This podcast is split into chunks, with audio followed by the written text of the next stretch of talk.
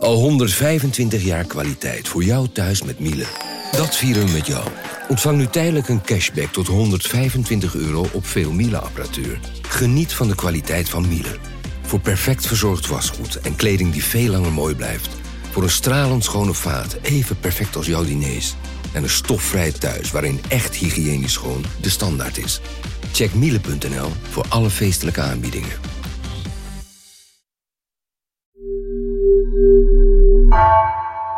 Vanaf de redactie van NRC vertellen we je elke dag het verhaal van vandaag.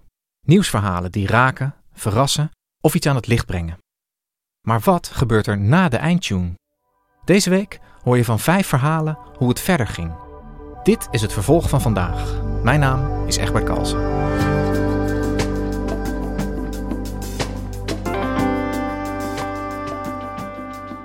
In februari zat redacteur Hans Steketee gespannen naast zijn marifoon toen vrachtschip Julietta D tijdens een storm stuurloos op een olietanker botste. Het riep de vraag op of de Noordzee niet te vol raakt. Vrachtschepen, windturbines, vissers en natuurgebieden vechten er om ruimte. Nu besloot hij aan boord te stappen van een loodsvaartuig om te zien hoe het industriegebied op de Noordzee erbij ligt. Zijn ongelukken te voorkomen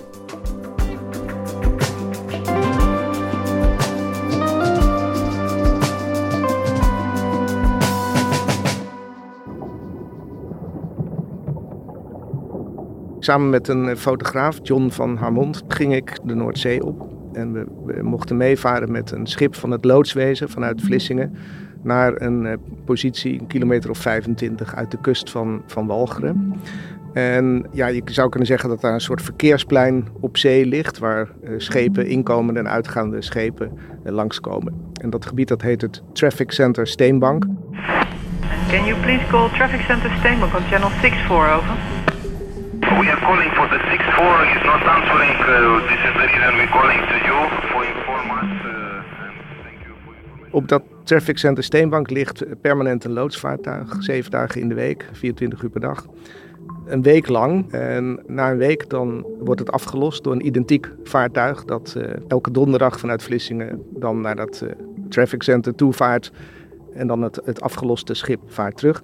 En wij gingen met het ene schip, de Procyon, heen vanuit Vlissingen naar dat traffic center. En werden van daaruit met een kleine motorboot overgevaren naar het uh, afgeloste schip, de Polaris, die daar dus al een week had gelegen. En gingen daarmee terug naar uh, Vlissingen. En het was wel een, wel een pittige dag. Alle schepen, alle schepen. Schelde scheepvaartbericht van 13 uur 50. De waterstand op de reden 17 decimeter.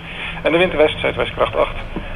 Waarschuwing voor de scheepvaart voor Vlissingen en Zierikzee Zuidwest 8. Dus windkracht 8, uh, dus 8 boven voor, dat is stormachtig. En uh, daar stonden toen golven van 2,5 meter. Dat is uh, best hoog voor een klein bootje dat zelf niet langer is dan 6, 7 meter. De loosdienst op de Steenbank die zijn gestaakt voor niets wat operabele schepen. De wind aan de Steenbank West 7, golfhoogte 3,40 meter. Dat kleine bootje waarin we overgezet werden, dat is nu een motorbootje. Vroeger ging dat overigens uh, met, met, met roeiriemen.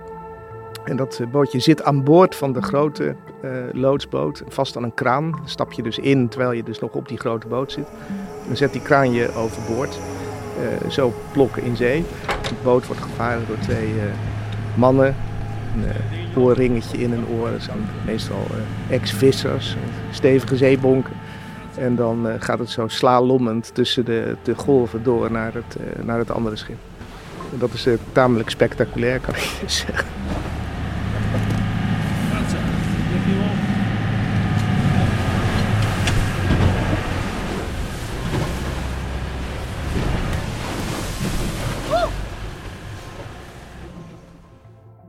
Dit stukje Noordzee was tot een paar jaar geleden eigenlijk een beetje ongerept.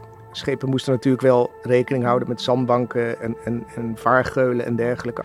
Maar verder kon je eigenlijk varen waar, waarheen je maar wilde. Maar nu is het uh, vol. En ik wilde juist naar, uh, naar dit punt, omdat het verkeerscentrum, ja, daar komen verschillende routes, een stuk of vijf komen daar samen. Die loodsen liggen eigenlijk soort in het midden van dat, uh, van dat verkeersplein. En die voeren daar zo met die zeeschepen een soort van nautisch ballet op, zou je, zou je kunnen zeggen. En op die grote rotonde is het dus eigenlijk altijd, altijd druk. En de drukte wilde ik zien, want dat is natuurlijk de, de grote vraag. Hoe kun je gezien die enorme drukte op de Noordzee ongelukken voorkomen?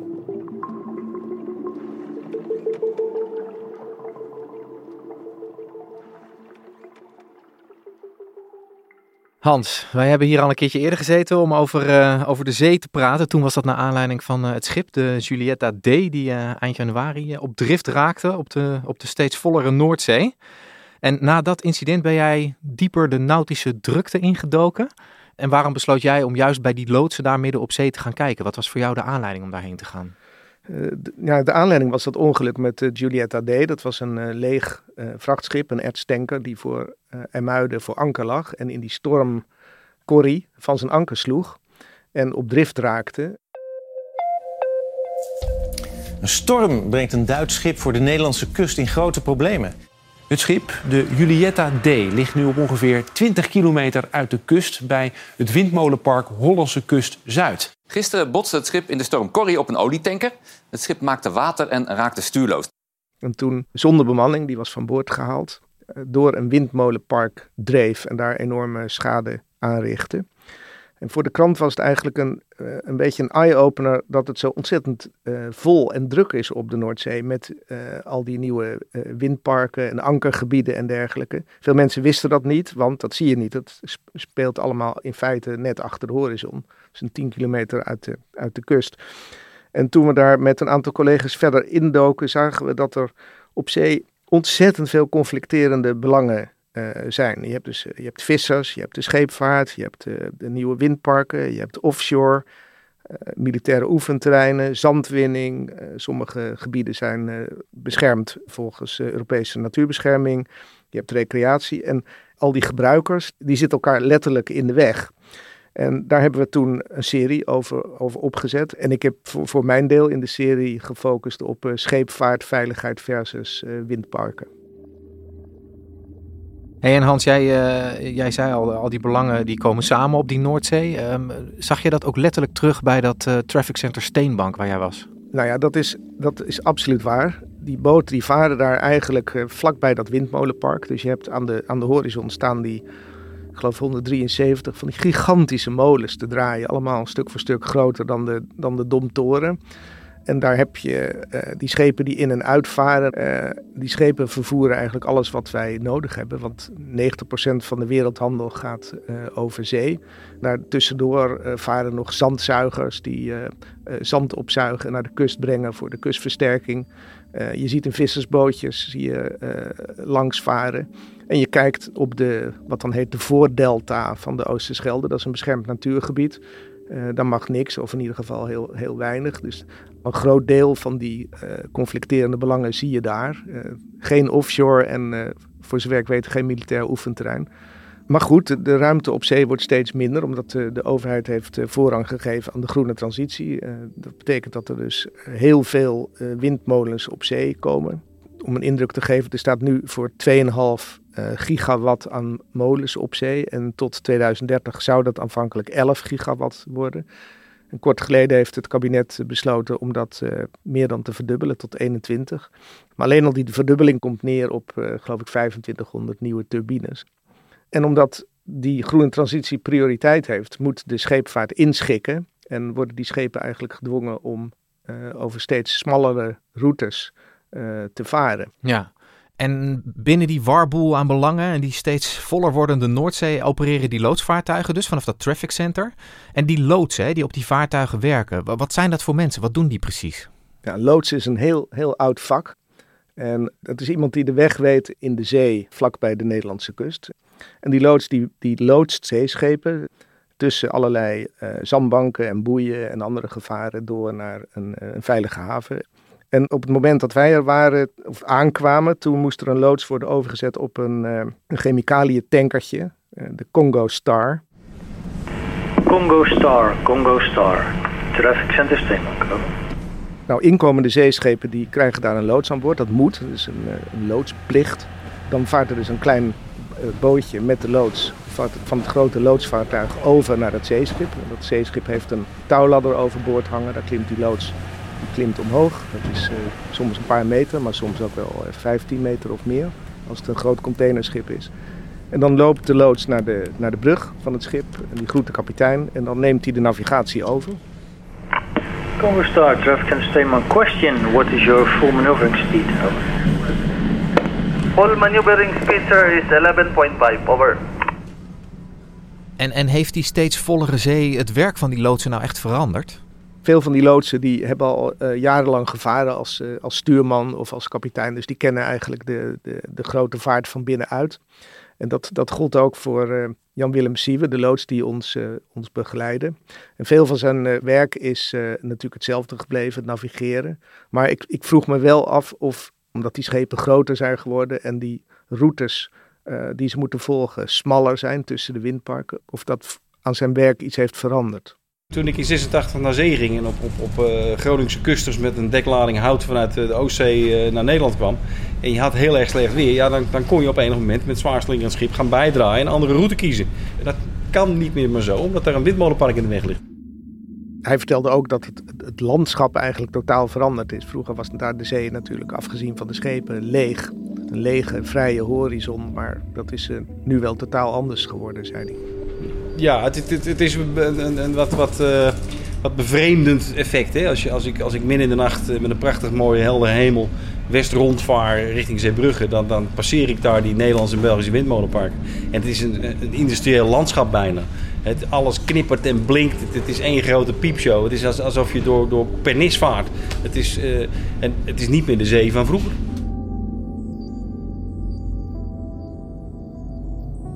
En Hans, wa waarom is dit nou erg, al die windmolens daar? Je zou kunnen zeggen, op, op zee is er nog altijd meer ruimte uh, dan aan land. En we willen toch ook met z'n allen die groene transitie uh, uh, omarmen, zoals jij al zei. Dit is de enige plek waarop het kan, zou je kunnen zeggen. Ja, dat is waar. Het land is vol met windmolens. Die kunnen niet op alle plekken gebouwd worden. En de, de laatste plek waar het kan is op zee, wat je ja, Nederlands grootste natte provincie zou kunnen noemen. Maar het gevolg daarvan is dat de, de schepen uh, minder ruimte hebben. En daar zit een risico in, want als een schip zich aan zo'n soort smal vaarwater moet houden, dan, dan kan het niet uitwijken. Je kunt dus als kapitein uh, minder makkelijk een, koers kiezen die, goed, die veilig is voor schip en lading. Want als, je, als jij maar door blijft uh, slingeren met, met een kuster waar staalrollen in zitten. En, en omdat je nou helemaal niet, geen andere koers kan varen, gaat vroeg of laat een keer de, de, de, de boel aan de wandel natuurlijk. En dan breekt je lading los. En dat, is, dat kan gevaarlijk zijn. Ja, en, en wat hij vertelt, dat gaat eigenlijk nog over het kiezen van een andere koers, omdat dat beter is. Maar nou ja, Julietta D was voor jou de aanleiding om hierin te duiken. Dat is een schip op drift. Dat lijkt me dan helemaal een risico. Ja, we hebben het dan nog niet eens over schepen die gewoon stuurloos zijn. Dit gaat dan gewoon over schepen die normaal hun, hun route volgen. Die willen ook al kunnen uitwijken. En schepen op drift, dat is natuurlijk een heel ander geval. En dat gebeurt toch zo'n 80 keer per jaar. En het is niet, niet zo dat elke keer dat dat een schip is dat van zijn anker slaat. Het is ook wel eens zo dat, uh, dat het allemaal heel gecontroleerd gebeurt. Dat uh, een schip moet even de motor uitzetten uh, en is dan dus even onbestuurbaar. Maar een schip op drift, dat is, ja, dat is andere koek. En um, we mogen eigenlijk God op ons blootknieën danken dat we in het geval van de Giulietta D zo goed zijn weggekomen. Het was een leeg schip. Uh, het, het, miste net een uh, transformatorstation op zee. Het miste ook net een gasplatform. Uh, stel je voor dat de Julia D een volle gastanker was geweest en dat dat tegen dat gasplatform aan was gevaren. Nou, dan was het leed niet, niet te overzien. Een, een, milieuramp van de, de eerste orde, ongetwijfeld een explosie, doden enzovoort. Ja, dus het is, het is eigenlijk een wonder, zeg jij, dat het met die Julietta D uh, goed gegaan is. Maar 80 schepen per jaar die al dan niet gecontroleerd even stuurloos daar ronddobberen. Het is een wonder dat er überhaupt uh, zo lang al niet echt een grote ramp gebeurd is daar. Ja, dat is waar. Het wachten is, is op het volgende ongeluk. En uh, ja, je weet niet wat er de volgende keer gebeurt. Er wordt natuurlijk wel aan gerekend. Ik was bijvoorbeeld op bezoek bij het, het MARIN, het Maritime Research Institute Netherlands in, in Wageningen. En daar rekenen ze aan de veiligheid op zee. En het is, het is nu al zo dat met de huidige hoeveelheid windturbines de kans op een aanvaring tussen een schip, nog niet eens een schip op drift, maar gewoon een schip en dat bijvoorbeeld een afslag mist of iets dergelijks, en een turbine 2,5 keer per jaar is. En dat wordt natuurlijk uh, alleen maar meer als het aantal windmolens uh, toeneemt. Er zijn natuurlijk genoeg mensen die zich grote zorgen maken over de nieuwe toestand op zee. En eh, het viel mij op dat de directeur van het, uh, het Marin zei: De Giulietta D heeft ons echt de ogen geopend.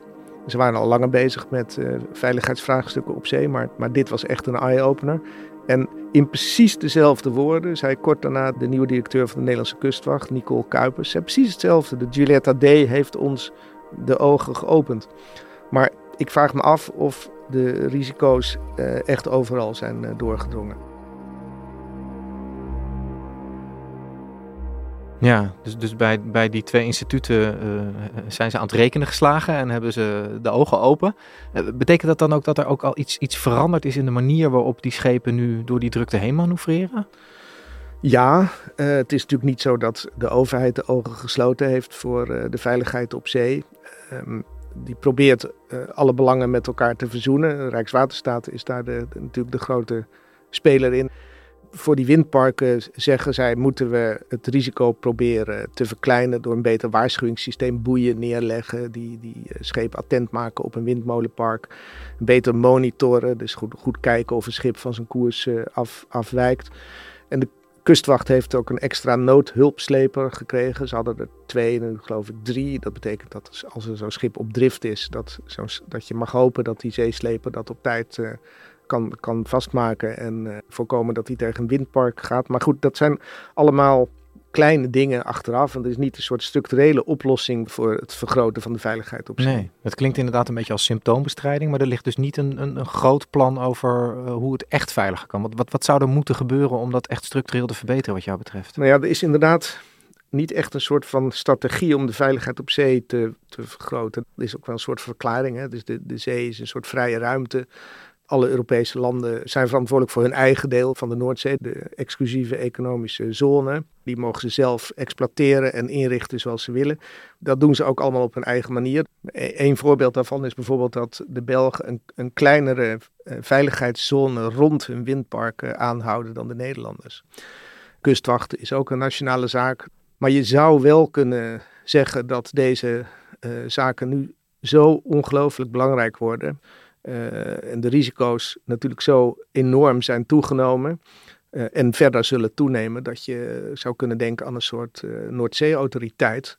En wat die dan precies behelst, weet ik niet. Er zal natuurlijk ook wel weer op Europees niveau enorm gesteggeloof ontstaan. Maar ik, ik denk wel dat het gesprek daarover zou, zou kunnen beginnen. En er wordt ook wel gepraat over, zou je niet net als in de luchtvaart ook voor scheepvaart een soort verkeersleiding moeten hebben. Die, die bestaat wel voor kleine stukjes Noordzee. Maar uh, voor de rest van de Noordzee is het eigenlijk meer kijken of er niet iets fout gaat. En de schepen hebben allemaal hun eigen verantwoordelijkheid. Je zou, je zou kunnen denken aan een soort strakkere begeleiding. Ja, want jij zegt zou, hè? er zou dit en er zou dat. Dat betekent dat er tot op dit moment in ieder geval dat nog niet uh, besloten is. Het voelt bijna alsof ze, alsof ze wachten tot het een keer misgaat voordat al deze politieke bezwaren opzij gezet moeten worden en, en, en de echte maatregelen genomen worden. Nou als je cynisch bent, zou je inderdaad dat kunnen zeggen. Laat er dan maar eens een groot ongeluk gebeuren. Dat is in het verleden natuurlijk ook gebeurd. De jaren 60 en 70 grote ongelukken met uh, supertankers voor de kust van Bretagne. Uh, en de kust van Cornwall met enorme olievervuiling tot gevolg. Dat was het signaal om daar ja, bepaalde scheepvaartroutes uh, in te stellen waar schepen zich aan moeten houden, zodat ze niet dicht bij de kust kunnen komen. Dat was echt toen de doorbraak. Dus ja, de geschiedenis leert dat, dat we uh, alleen maar leren als er echt iets, echt iets fout gaat. Dus Juliette D is dus kennelijk niet genoeg om echt iedereen van, het, uh, van de risico's te doordringen. Ja. Hey, en jij en de fotograaf, zijn jullie veilig weer op het vasteland terechtgekomen naar jullie tocht? ja, ja, een heel klein beetje zeeziek. Want het uh, slingerde behoorlijk. Dus wij werden in dat bootje overgevaren en dan door een, een kraan met een soort machtige greep weer uit uh, de golven getild aan boord van de, van de Polaris. En vervolgens meldde de Polaris zich af en de Procyon nam de, nam de dienst over. Uh, Traffic Center Steenbank, de Polaris, uh, verlaten de kruispost en binnenkomend voor de buitenhaven. Polaris, Traffic Center Steenbank, uh, goedemiddag. Ja, dat is begrepen hoor. Altijd. En wij voeren, voeren terug. Uh, de vuurtoren van Westkapelle kwam uh, in zicht. De Walgense kust, de duinen van Zoutelanden. En al snel lagen we op de reden van Vlissingen gingen door de sluis daar de haven in. Ja, en dan wiebelend sta je weer aan de wal. Ja, dat is wel waar. Als je dan zo'n hele dag op zee bent geweest, dan, dan beweegt het land. Ja. Dan heb je is het tegendeel van zeebenen, geloof ik. Landbenen. Landbenen. Hans, dankjewel voor je verhaal. Ja, graag gedaan.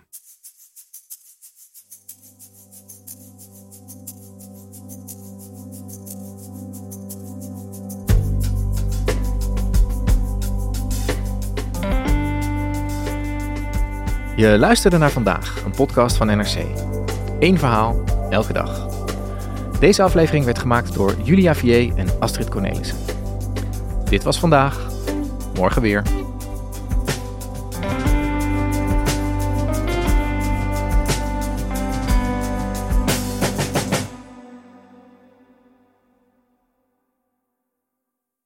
Technologie lijkt tegenwoordig het antwoord op iedere uitdaging. Bij PwC zien we dit anders. Als we de potentie van technologie willen benutten, kunnen we niet zonder een menselijk perspectief. Human-led, tech-powered noemen we dat. Ga naar pwc.nl.